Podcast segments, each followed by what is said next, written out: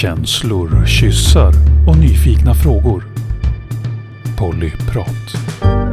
Hej allihopa och välkommen till ett nytt avsnitt av Pollyprat. Och vi ska få göra det tillsammans med en fin gäst. Jag har varit på fest med den här gästen, med Maria. Då pratade vi inte så mycket, men det ska vi förhoppningsvis få göra nu. Vi ska få prata om balans i polylivet, balans i flersamheten. Så eh, välkommen hit Maria! Tack så jättemycket! Kul att få vara med och prata med er en stund. Ja, jättefint och välkommen Minna såklart! Hej hej Karin och Maria! Mm. Så Maria, vill du berätta, hur, hur såg din väg till poly ut? Ja, um, den har pågått ganska länge. Det började redan för, jag tror det var 17 år sedan faktiskt, som jag och mitt ex började experimentera lite utanför vår fasta relation. Um, vi började lite det här swingers, gå på fester och ja, men leka lite. Det var väldigt lekfullt och vi gjorde i princip allting tillsammans som vi gjorde med andra och så. Några gånger var vi på varsitt håll, men det var mer mot slutet eller ja, de senare åren när vi hade hållit på ganska länge. Så um, det är liksom en, en, en historia som jag mer kanske associerar med swingersvärlden, det här att man, man är ganska starkt ett par. Ja, men verkligen. Det var något som vi gjorde för att stärka alltså upplevelser tillsammans. Det är ju ett extra, så vi separerade nu sedan ett och ett halvt år, men men de sista två och ett halvt åren som vi var tillsammans så var vi lite mer åt polyhållet då. Vi hade relationer vid sidan av, gjorde saker tillsammans med andra men mycket själva och hade egna sidorelationer om man säger så.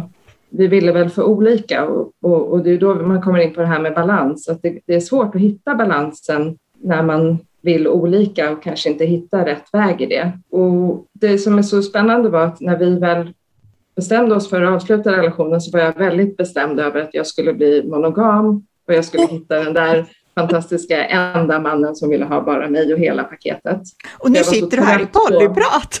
Ja, det undrar man ju då. Ja, men det gick inte så bra med det. Um, är det inte lite grann sådär att det, har man eh, börjat tänka i de här banorna så är det att, att backa kan också vara svårt? Det är jättesvårt och det konstiga är att nu har jag, tycker jag, ett ganska fungerande öppet relaterande.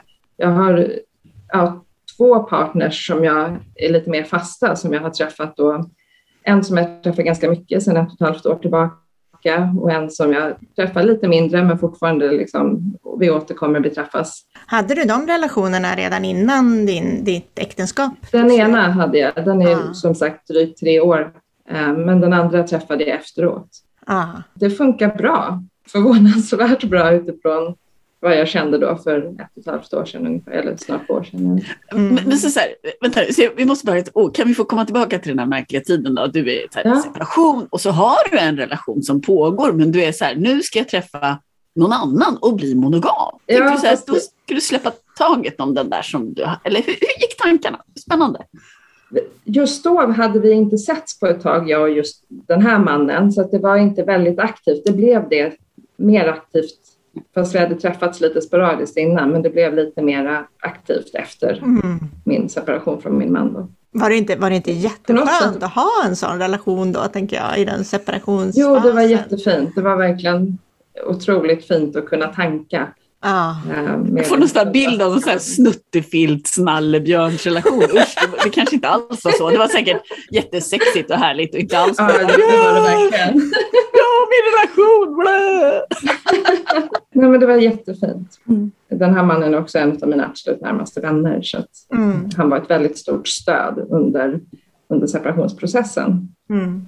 Alltså vänskap är ju ovärderligt. Det går ju inte att underskatta tänker jag. Så du har gjort en jätteresa i relationsvärlden på något vis. Från swingerslivet, en del säger att man fortfarande är monogam när man lever mm. swingersliv och andra säger att det kommer under det här flersamma paraplyet.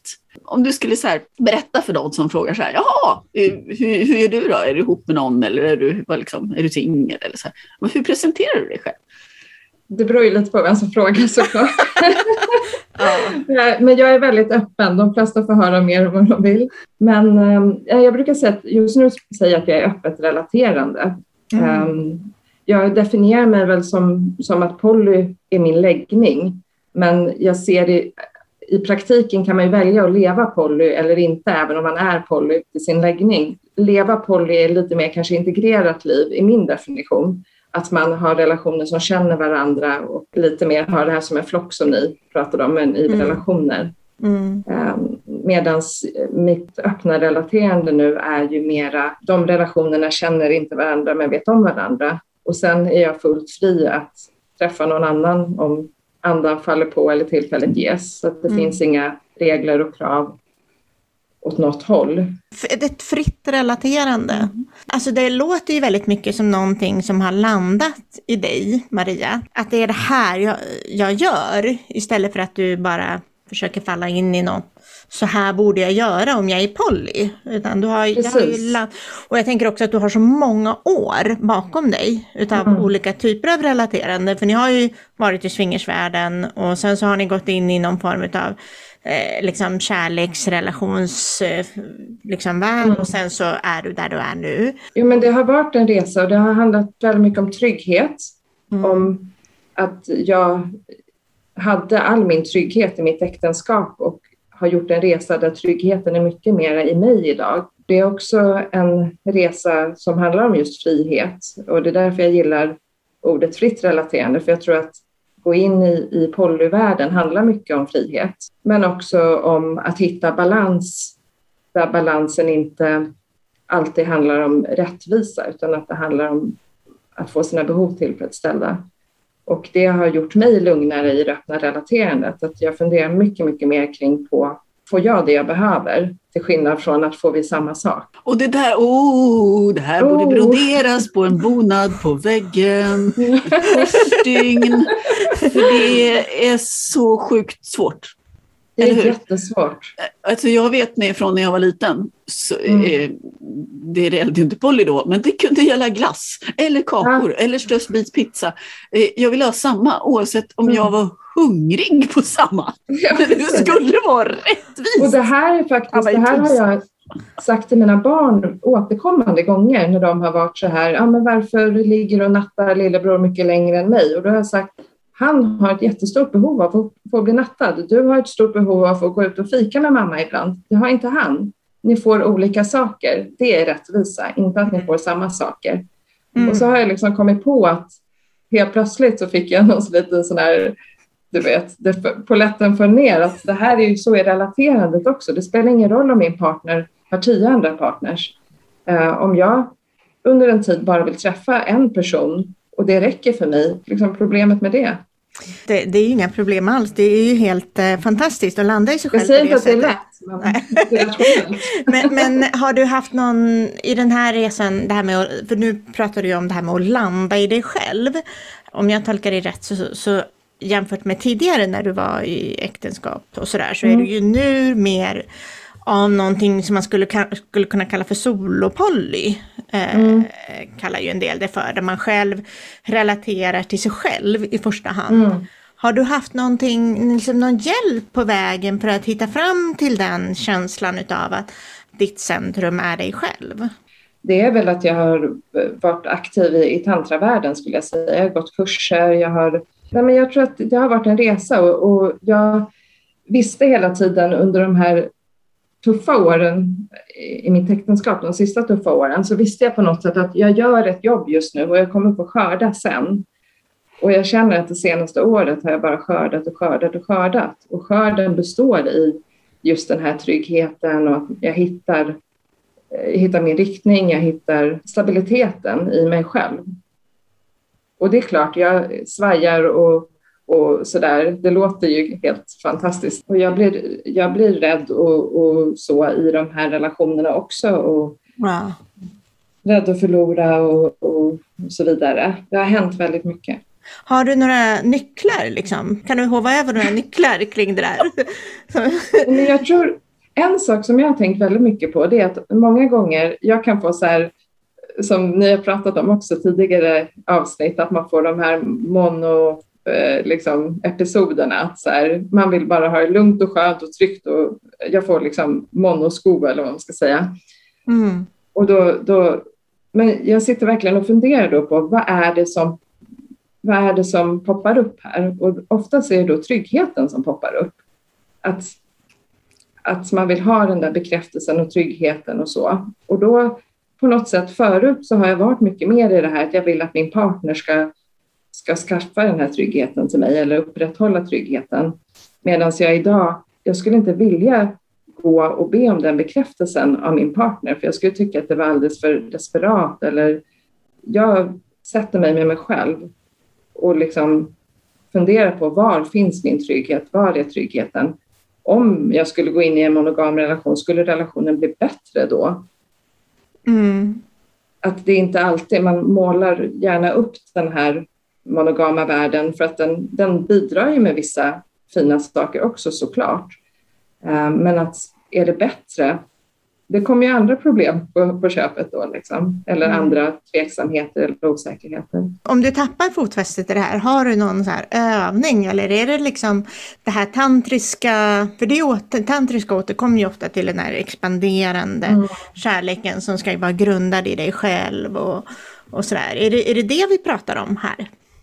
Ja, lite så. Men sen också bara, och det åter det tantriska, att bara andas ut det. Jag, jag gillar den här... Ja. ja, men alltså det går över. Ja, men jag gillar den här 24-48-regeln också. Alltså det är så rätt, lätt om man, man är upprörd att man vill gå till sin partner då och liksom be om den här bekräftelsen eller vad det nu är. Men att 4-48-regeln, ja, om det fortfarande känns viktigt om 24 timmar, ta upp det om 48. Ja, Jag är Ja. inte där. Jag tror jag jobbar lite mer på minuter. 48 Och då timmar, det det är två det dygn. Det är två dygn, eller? Ja. Men, men jag kan börja med minuter. Det skulle jag 48 säga. minuter. Ja. Alltså, först kan jag vänta 24 minuter med att ta kontakt med någon. Det skulle jag kunna känna var mitt nästa steg. Men det här med att vänta och landa lite och andas och inte omedelbart agera. Det, Mm. det är ju inte så dumt när allting stormar.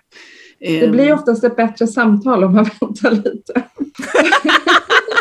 det är Karin här igen som är så här, jag vet inte, för jag, jag kan ju också tycka att det finns någonting med att, att saker också kan växa i ens huvud.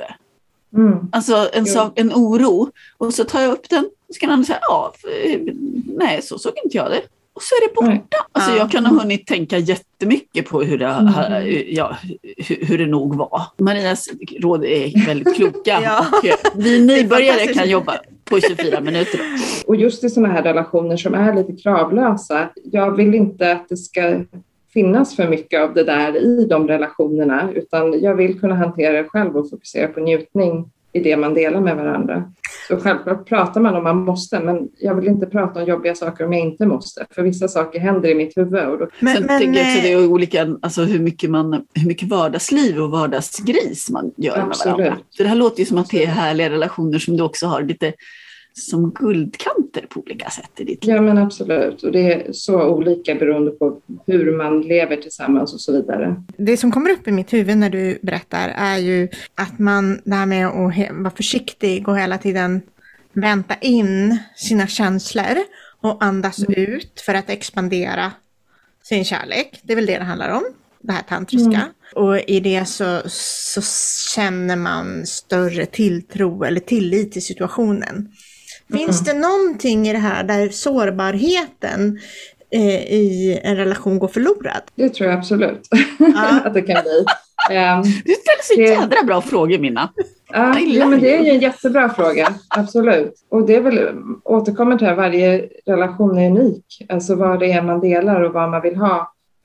Just nu i den här relationen, jag har haft otroligt mycket sårbarhet och delat mycket kring det och jag är lite trött på det själv just nu. Mm. Eh, Jag vill att det ska vara lätt och njutbart ju- just nu Mm. och det är ett val i mångt och mycket att också inte ge hän till allt som poppar upp. Mm. Men absolut att det, det kan ge, eh, eller att sårbarheten kan bli lite lidande, att man inte riktigt vågar öppna upp. Det är en del av att komma nära. Det kan ju också vara att våga dela när, det inte, när man inte är sexig, rolig och smart mm. och fantastisk utan Absolut. ett litet skrot. Liksom. Mm. Men det här med balansen, eh, för mig så har ju det där sett jätteolika ut när balans har varit viktigt för mig. Ibland så har ju rättvisa, så att säga, att tvingas ut och skaffa rättvisa varit en räddning för mig. Men det har ju också varit en börda. Eh, men hur har det sett ut för dig Maria, liksom tidigare och nu? Jo, men det är väl lite som jag känner nu, att jag har lärt mig väldigt mycket av att inte haft det så bra när det gäller balans och så innan. Speciellt under de sista åren när vi var helt öppna om man säger så. Någonstans, man väljer ju att leva poly för att man vill ha mer frihet i livet. Men om man blir för fokuserad på det här med balans så blir det ibland tvärtom. Att man känner sig begränsad och för att man hela tiden måste synka så att man har samma som sin partner. För, för jag fastnade väldigt mycket i att säga, jaha, okej, okay, vi ska träffa andra. Um, han hade en fast annan partner och det var, såg ut att vara fint och då ville jag också ha det för att det skulle vara samma lika. Och det gjorde att jag blev så fokuserad på det att det såklart inte hände ja, det låste sig. Och, och jag dejtade massor och träffade massa män. Men det var väldigt otillfredsställande för jag fick ju aldrig det där djupa, nära. Ehm, för att jag var för fokuserad på att vi skulle ha samma sak eller att jag också ville ha det han hade. Och då blev det som en begränsning, eller alltså att det blev, det blev inte frihet, det blev mera låst. Och idag har jag väl börjat se på balans på ett annat sätt, att, att balans sker när båda känner sig tillfredsställda. Mm. Och att balans inte behöver betyda att om du har två partners så ska jag ha två partners. Och det här har ni pratat lite om i någon tidigare podd också, det här med att om den ena är poly och den andra inte. Mm. Det är lätt för den som inte är att haka på och börja dejta bara för att det ska vara rättvist. Mm. Att man liksom tappar det här med att vad är det jag behöver i mitt liv? Vad vill jag göra med mitt liv och i mitt liv? Vad är viktigt för mig? Och mm. Vissa människor har ett mycket större behov av att relatera med andra eh, än vad vissa har. Men frihet är ju viktigare där tycker jag. Ja, men, alltså, man ska fokusera på friheten där kanske att tänka så här, vad behöver jag för att känna mig fri?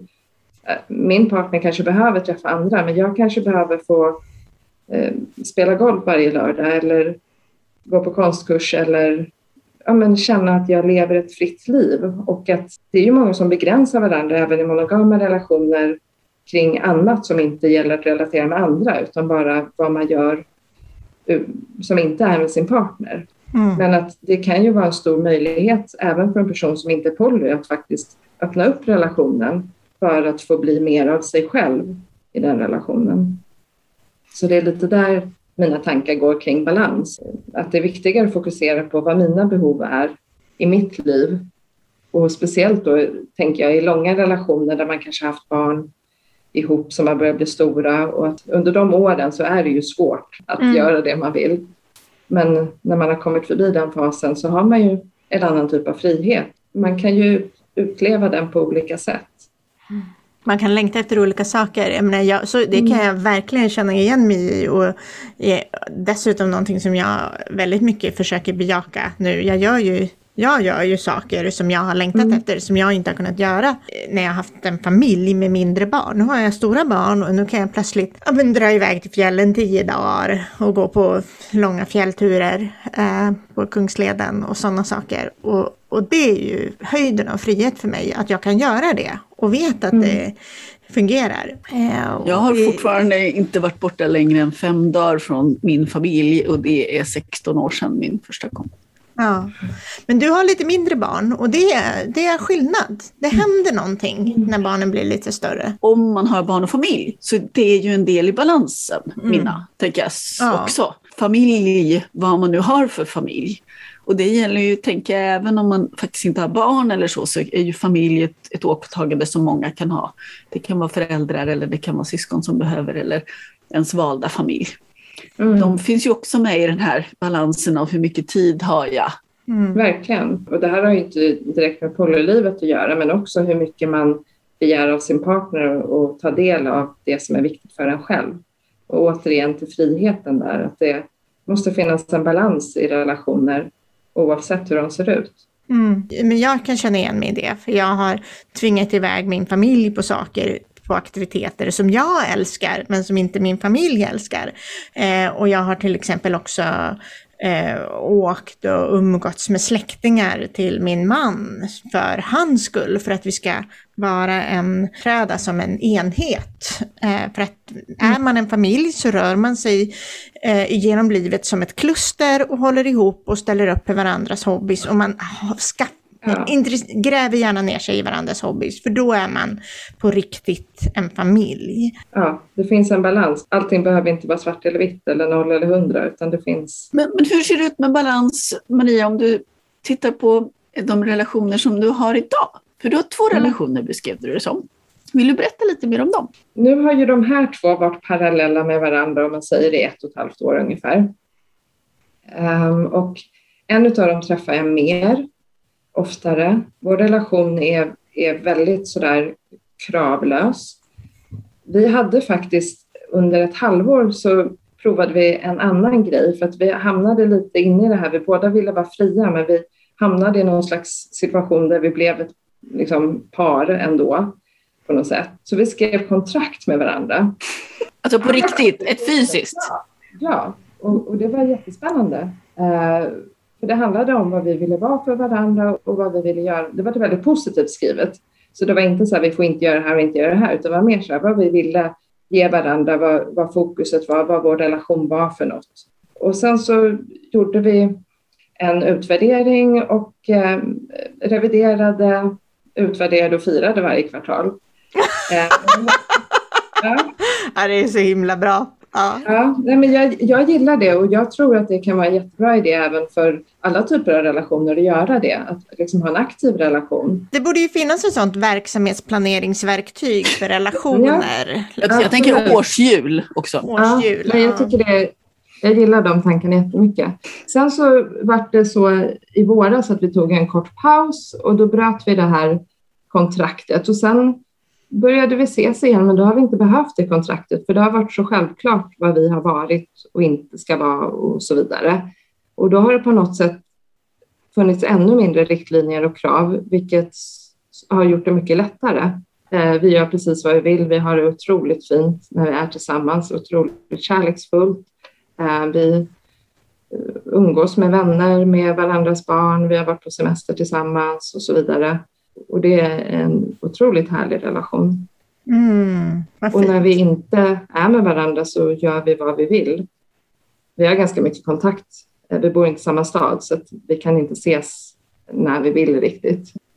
Den andra relationen är, vi träffas inte lika ofta. Eh, vi bor inte heller i samma stad ehm, och är egentligen mer som väldigt, väldigt nära vänner som är intima också. Det är en fantastisk grej att ha med en annan människa, att ha den närheten och vara så goda vänner. Han är en av de, mina, alltså, han är en av de största tryggheterna i mitt liv nu. Mm. Men det är också otroligt kravlöst. Jag vet inte när vi ses nästa gång, men jag vet att vi ses. Och vi är otroligt generösa med varandra på det sättet att om någon av oss träffar någon annan som vi vill vara mer med så unnar vi varandra det. Och det har varit så vid ett par tillfällen att vi inte har kunnat ses för att det har varit en annan relation som har eh, satt begränsningar för det. Och det har aldrig varit no någonting mer än liksom att vi önskat varandra lycka i det. Har ni någon form av informationsplikt eller att ni berättar att nu har jag träffat en annan mm. eller nu har jag sex med den här eller?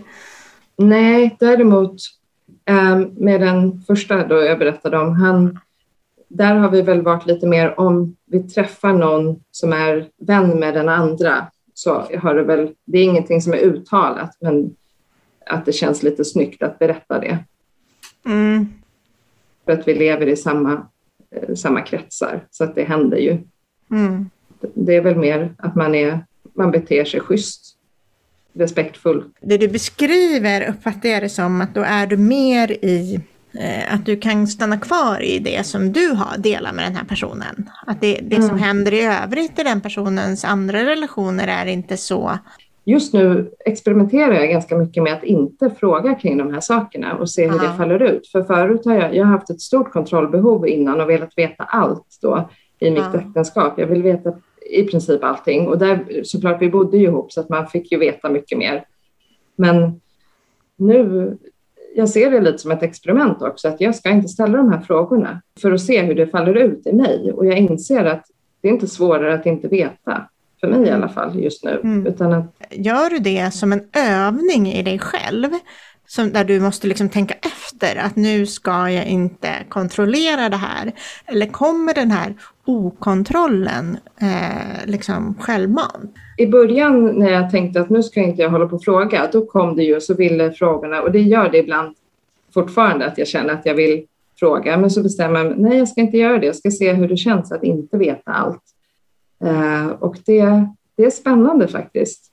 Och, och det blir lättare och lättare. Jag tror man vänjer sig vid det mesta. Ja, men det, det är inte så väldigt mycket med relationsarbete. Jag menar allt som svartsjuka och alla de här Absolut. obekväma känslorna, att det är också eh, en, en liksom töjningsprocess. Man måste vänja sig, öva sig Ja. i att känna känslorna och hantera dem. Vad säger du Karin? Jag bara himlar med ögonen. Jag orkar inte.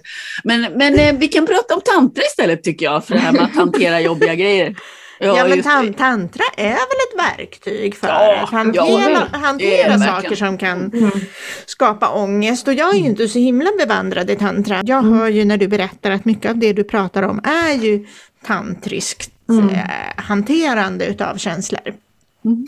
Finns det någonting som säger liksom att tantra och poly och flersamhet, går det lite hand i hand? Eller hur är det? det är ju väldigt mycket människor i tantravärlden som Ja. lever i öppet relaterande. Tantra handlar ju väldigt mycket om att se människor eh, och vara öppen och eh, handlar mycket om energier. Ja. Och, och folk är ju väldigt eh, generellt sett väldigt mottagliga eh, för olika typer av energier. Mm. Och när man öppnar upp för det så kommer man närmare andra människor. Möten. Ja, möten precis. Och då vill man inte begränsa det. Så det är kanske inte så konstigt att det är många som är öppet relaterande just i tantravärlden. Hur, hur såg din resa ut mot det då? Ehm, Jag gick min första parkurs för 16 år sedan.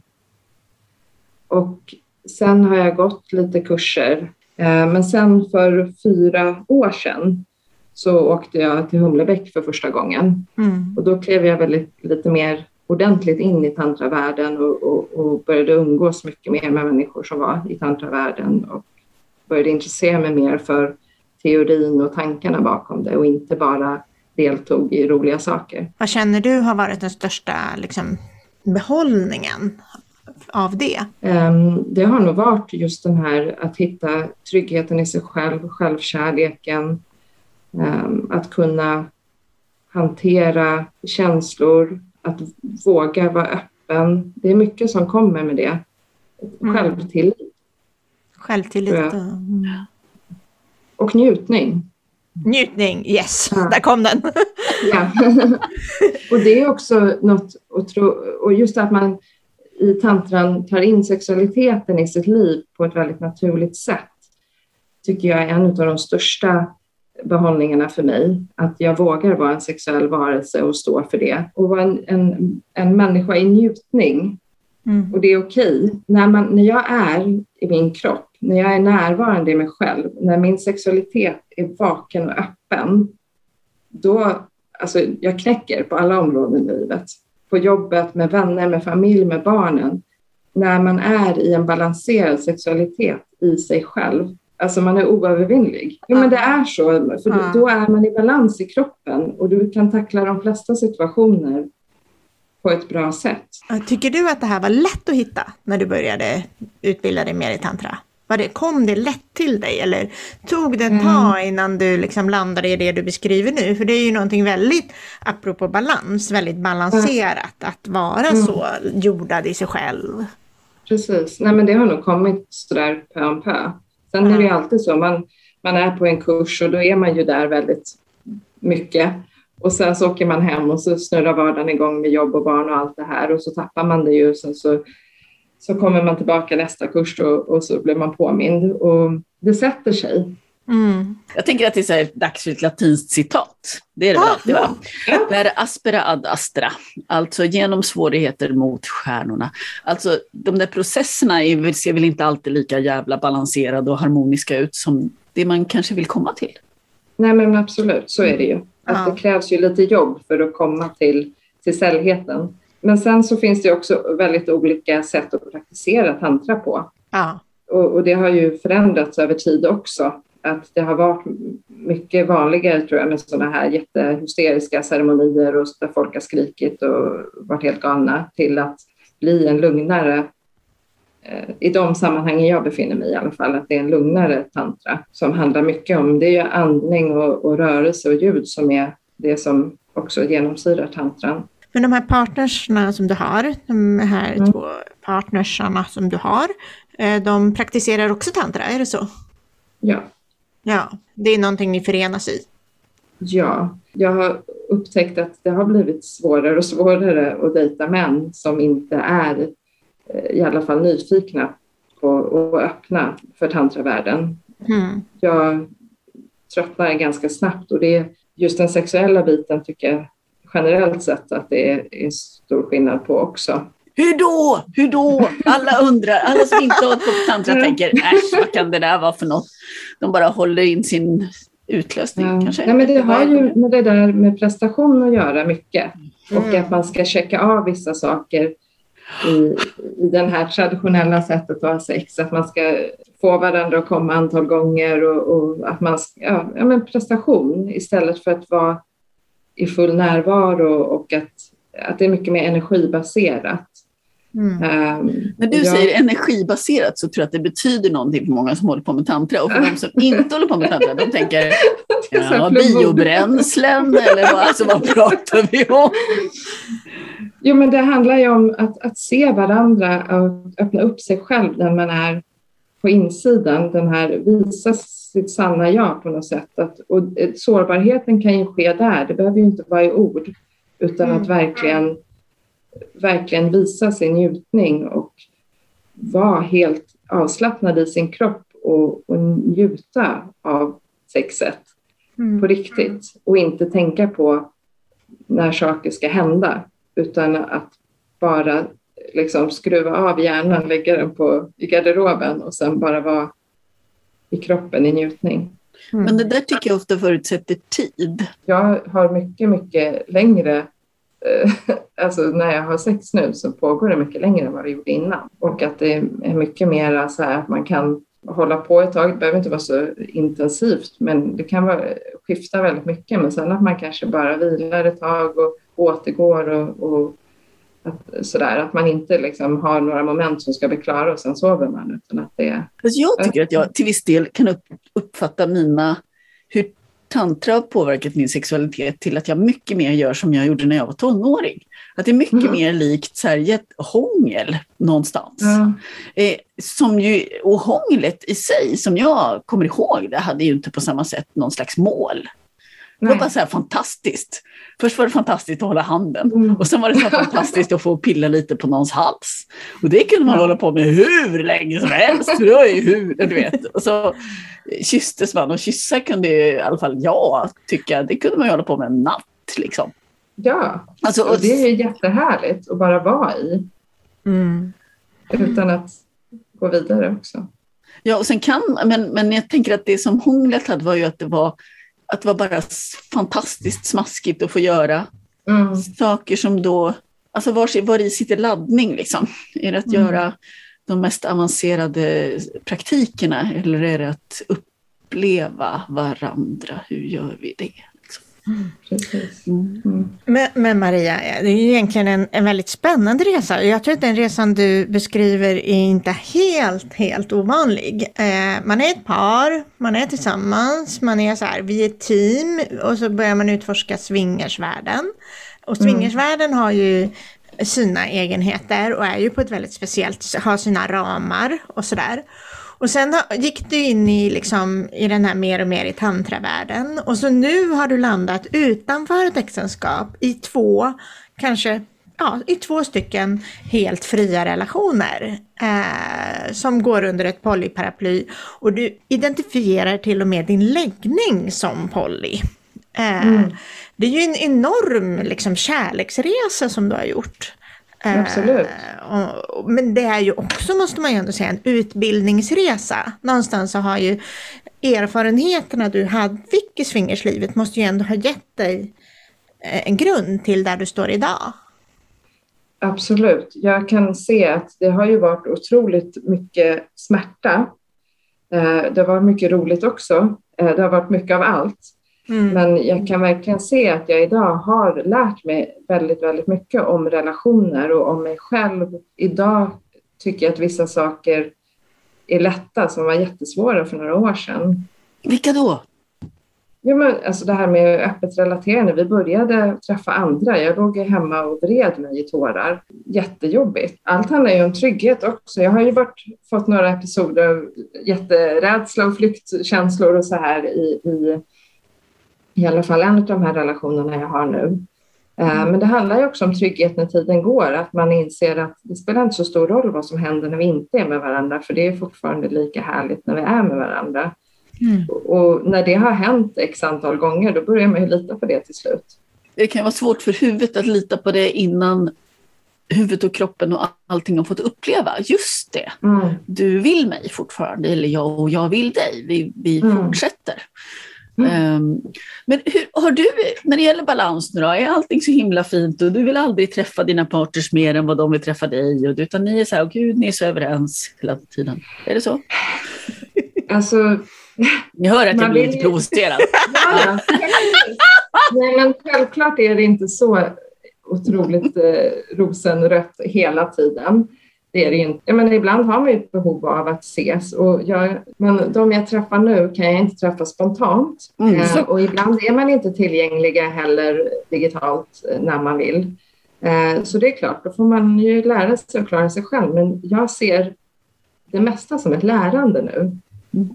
Så att även om det är jobbigt så ser jag att så här, det här kommer gå över, det kommer bli bra, jag har klarat den här kvällen också fast det var jobbigt. Det är inte lika jobbigt längre. Jag, tänk, jag tänker att det beror också på att du vill det här. Det finns en grundad ja, vilja i att du, det är så här mm. du vill ha dina relationer. Det har du en jättebra poäng i. För att jag ville ju inte riktigt där mitt äktenskap ha det så som vi hade. Vi vill ju olika. Ja. Och därför blev det ju svårt att få det att funka. För att när man inte gör det av egen vilja så blir det inte bra. Eh, om du skulle titta på ditt liv, du nämnde så här, Åh, en älskare i Stockholm skulle inte vara fel, det vill säga en älskare som finns nära då. Eh, gör du heterosexuella relationer bara eller hur ser ditt liv ut? Mm, jag brukar definiera mig själv som bisensuell. Det var någon som mm. sa det, jag tyckte det lät så otroligt fint. Um, jag har varit intim med kvinnor också. Eh, men mycket, mycket mindre och tycker att det är lite mer komplicerat för mig. Jag, jag, tycker om att vara nära kvinnor, kramas och pussas och smeka, men det är väldigt sällan jag vill gå vidare. Så att det sensuella mellan kvinnor tycker jag är fantastiskt. Jag var på, på en workshop här nyligen där vi var kanske tolv kvinnor i, som skulle liksom bara ge oss hän till varandra i fem minuter på några madrasser och det var så härligt att ha så många kvinnor nära så jag tycker det är jättemysigt. Men jag har inte haft några relationer med kvinnor. Bisensuell. Mm. Det är ett fantastiskt ord. Visst är det fint? jag tror att det enda jag vet just nu är att inget blir som man tror. Så det är så onödigt att säga att man vill ha det på ett visst sätt för helt plötsligt vill man inte det längre. Nej. Eh, och det är ju jätteläskigt för så kan det ju vara med ens partners också som man älskar och vill ha nära, att de helt plötsligt vill ha något annat. Ehm, men så är det med livet. Ja, så är det ju verkligen. Mm. Och kan man vara i tillräckligt mycket kärlek att låta alla vara som de är, då är ju inte det... Ja, man kan ju känna en förlust eller så, men samtidigt är det ju inte det. Jo, jag förstår vad du menar, men absolut. Ja. Nej, jag, jag har, kan inte heller klara av att stå i det sådär, eh, såklart. Jag, men, eh, men på något plan så, om man älskar någon så vill man att den ska vara lycklig. Ja, ja fast helst med en själv alltså. Så att, alltså, ja. Ja, alltså intellektuellt så är jag helt med dig, men känslomässigt är det ju rätt tufft om, om man älskar någon att känna sig Absolut. bortvald från den personens. Särskilt Men om man min- har haft en kärleksfull relation. Verkligen. Mm. En vän sa att en, en relation kan aldrig ta slut, den kan bara förändras. Mm. Och, och det har jag, ja men faktiskt det har jag och mitt, mitt ex då, pappan till mina barn, eh, verkligen, ja men för oss har det varit en viktig sak att ha med oss hela tiden, att vi formar om vår relation. Vi har inte avslutat den, vi har bara avslutat den formen som är nu. Och det är väl därför som en av de här relationerna som jag har nu, som är en så pass god vän, att vi kan, vi vet att vi kommer inte förlora varandra. Vi kanske kommer förlora vår intima kontakt, men vi kommer fortfarande vara goda vänner oavsett hur vi väljer att relatera. Men Maria, då tycker jag att det är så här, vissa relationer, särskilt om båda är överens om det, för liksom förloras eller avslutas Nej. utan kan omförhandlas och göras om. Andra relationer så kommer ju människor faktiskt göra slut med mig och välja Ja. bort mig ur sina liv. Och det kan inte jag säga så här, hallå, det går inte jag med på. För att, eh, för att vi, jag tycker nämligen inte att man får det om man har det så bra Mm. ihop som du och jag. Utan nu kan vi väl vara vänner, det har jag bestämt. Så är det ju inte. Alltså andra har ju rätt att liksom, avsluta med en själv. Tyvärr man- är det ju så faktiskt. Ja. Men, men du har rätt i det här att vi, man måste inte det. Och det är väl en klok tanke att ha. Eh, Eftersom vi lätt hamnar i ett binärt tänkande när det gäller relationer. Vi är Verkligen. ihop eller vi är inte ihop. Och man har ju väldigt många nära människor i sitt liv som man inte har sex med också. De Det tycker har det. jag, jag tycker att det kan vara bra att tänka att det är okej att man har nära Ja. människor i sitt liv som man inte har sex med. Eller hur? Det skulle bli otroligt... Jo, det skulle Väldigt, jobbigt. väldigt jobbigt om man hade sex med alla sina vänner. Det, Ja. Och vilken jobbig, så här, vilket jobbigt kriterie. Vad vi kan vara vänner om vi kan ha. Ja, det är, släkt kan vi i alla fall låta bli och barnens lärare och så här, där känner jag så här, Ja. jag vill inte ens Barnens prova lärare tanken. just. Ja, nej, nu är inte de så nära, det är ju väldigt tur. ja, men det här med balans igen, Maria. Mm. Eh, andas ut. Mm. Eh, centrera sig själv. Uppfattar jag som någonting som är en nyckel för dig. Att, att liksom andas ut det som känns jobbigt och stanna i sig själv i relation till andra. Inte börja gå in och fixa och laga och greja och ordna och styra. Precis, alltså att inte skapa ett drama i det heller. Mm. För det är så lätt att man drar igång ett drama i sitt huvud. Nu träffar den mannen jag älskar är med någon annan ikväll. Och så drar man igång en historia i sitt huvud om vad det innebär. Och helt plötsligt vill man ha en monogam relation för det är så jävla jobbigt ikväll att stå ut med den här. eh, Och så far man iväg. Alltså håll dig nykter. Det, det påminner jag mig själv om. Liksom, ja, men nyktra till nu. För att hjärnan ja, Hjärnan är hög. grejer. Hjärnan är hög och går på högvarv. Ja, liksom, ja, men precis. Att man liksom får så här, men skärpning. Så här sitter jag och går igång på någonting som inte ens är äkta för att just nu så är jag triggad av någonting. ja. Men att, och det är just där man behöver det där, lugna ner sig, ta det lugnt, inte ringa och ifrågasätta och, och hålla på, utan nu har vi ju valt det här. Om det inte passar, jag får gå, det är ingen som håller fast mig. Jag tycker att vänner är bra nödtofsar också. Det kan vara bättre att ringa, Jättebra. liksom, prata med en vän eller ringa en vän än Ja. att ringa till en partner. Eller Ja, verkligen. Mm. Jag har en, en jättebra sån vän som också relaterar öppet och eh, vi, så får man ett meddelande. Oj, nu har flyktbeteendet kickat igång här. Då bara, Ja. okej, men du ska inte göra någonting just nu. det är så här, Ja, väldigt det- öppen dialog. Precis. Att man kan tillåta sig att se att man har de här äh, triggersarna och att de finns igen och när de poppar upp och att okej, det här är det här, men jag ska inte agera på det. Jag ska inte, det är, kanske, det är faktiskt kanske jobbigt när min partners är i någon förälskelsefas med någon annan som jag inte riktigt vet om det är, är flyktigt eller om det kommer att betyda någonting. Eh, och det, det liksom skär lite, för jag vet inte hur jag ska hantera mina känslor och jag kan inte projicera det på den personen för att den är ju i sitt och jag vill ju inte begränsa den. Och så måste jag hantera det. Utan det blir så, ja. Tittar du, liksom, skulle du fantisera lite framåt? Hur skulle du vilja att livet ser ut framåt för dig? Förut var jag mycket mer det här att jag tänkte att det skulle vara på ett visst sätt.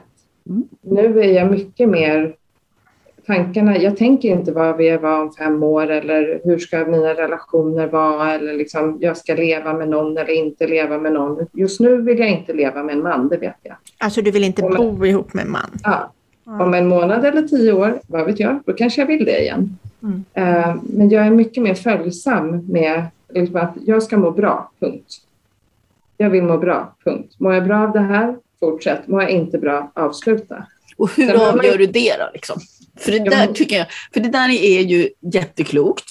Och sen så kommer den så här, men hur förstår du riktigt vad du mår bra av då? Ja, jo, men jag har nog lärt mig det, för jag har mått ganska dåligt under en lång period. Eh, så att jag märker ju stor skillnad på hur mycket alltså livspirr jag tror jag omedvetet gör någon sån här livspirrmätning i mig själv. Gud, det är som Marie Kondo, liksom. Du vet när hon där rensa i röran och man ska liksom ge den här, does it spark? Är det någon sån ja, fråga? Va? Är det liksom, Okej, okay, inte kollat på det. Men, uh. Ja, men ge, ge den här saken i ditt liv, ge ja. den liksom livsglädje. Ja, precis. Mm. Och vill jag göra saker, alltså man känner ju på, på känslan i kroppen, just det här, är jag positiv inför saker?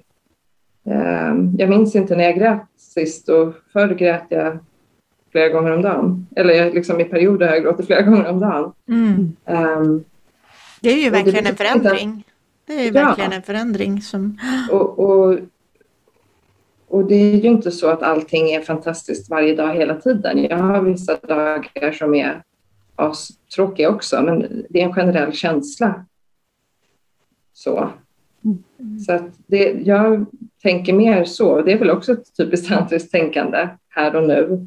Mm. Um, att inte tänka för mycket på, inte de grejerna, alltså att det ska vara på ett visst sätt, att jag ska bo någonstans eller jobba någonstans, eller utan mer, uh, är det här bra för mig just nu? Då kommer det leda till något som kommer vara bra om ett år eller fem år också, att ta till lite det. Det låter lite som att, att vara kvar i den här, den här sortens resa som du håller på med. Mm. Att det är inte så att du vill inte någon annanstans utan få fortsätta vara öppen för vad livet ja. kommer att ge. Ja, och det händer ju väldigt mycket saker bara man öppnar ögonen och tar emot det så, så händer det mycket saker som är till ens fördel hela tiden. Och, och det gäller att våga också öppna upp för det. Ja. ja, Minna och Maria, tack så jättemycket för för ett fint samtal för mig var det väldigt fint också att få prata tantra och poly, för tantra är ju en stor del av mitt liv. Och en stor del i hur jag gör relationer nu. Mm. Um, så jag tyckte det här var jättehärligt att få prata om. Och så är jag också jätteglad över att du ville dela med dig av eh, att det finns verkligen hopp för de av oss som gråter flera gånger om dagen och kämpar mycket. För jag tror det kan vara så ibland. Det kan kännas som mm. att jag orkar inte det här. Och att det är också lätt att tänka att är det poly eller hur jag gör relationer som är boven. Liksom. Ja men precis, att hitta orsaken till det är så himla viktigt så att man inte belastar fel sak och förändrar fel, fel sak i livet. Och mm. Grejen är också, en viktig lärdom för mig har varit att ingenting varar för evigt. Inte det bra och inte det dåliga. Livet förändras hela tiden och det är också så här, just nu är det asjobbigt, men om en vecka kommer det inte kännas så här. Tack så jättemycket och eh, ta hand om varandra. Tack så jättemycket Hejdå, för att jag fick komma. tack, tack. Hej då. Kram. Puss. Du hittar Pollyprat på vår Facebook-sida och där poddar finns. Ställ gärna frågor till oss.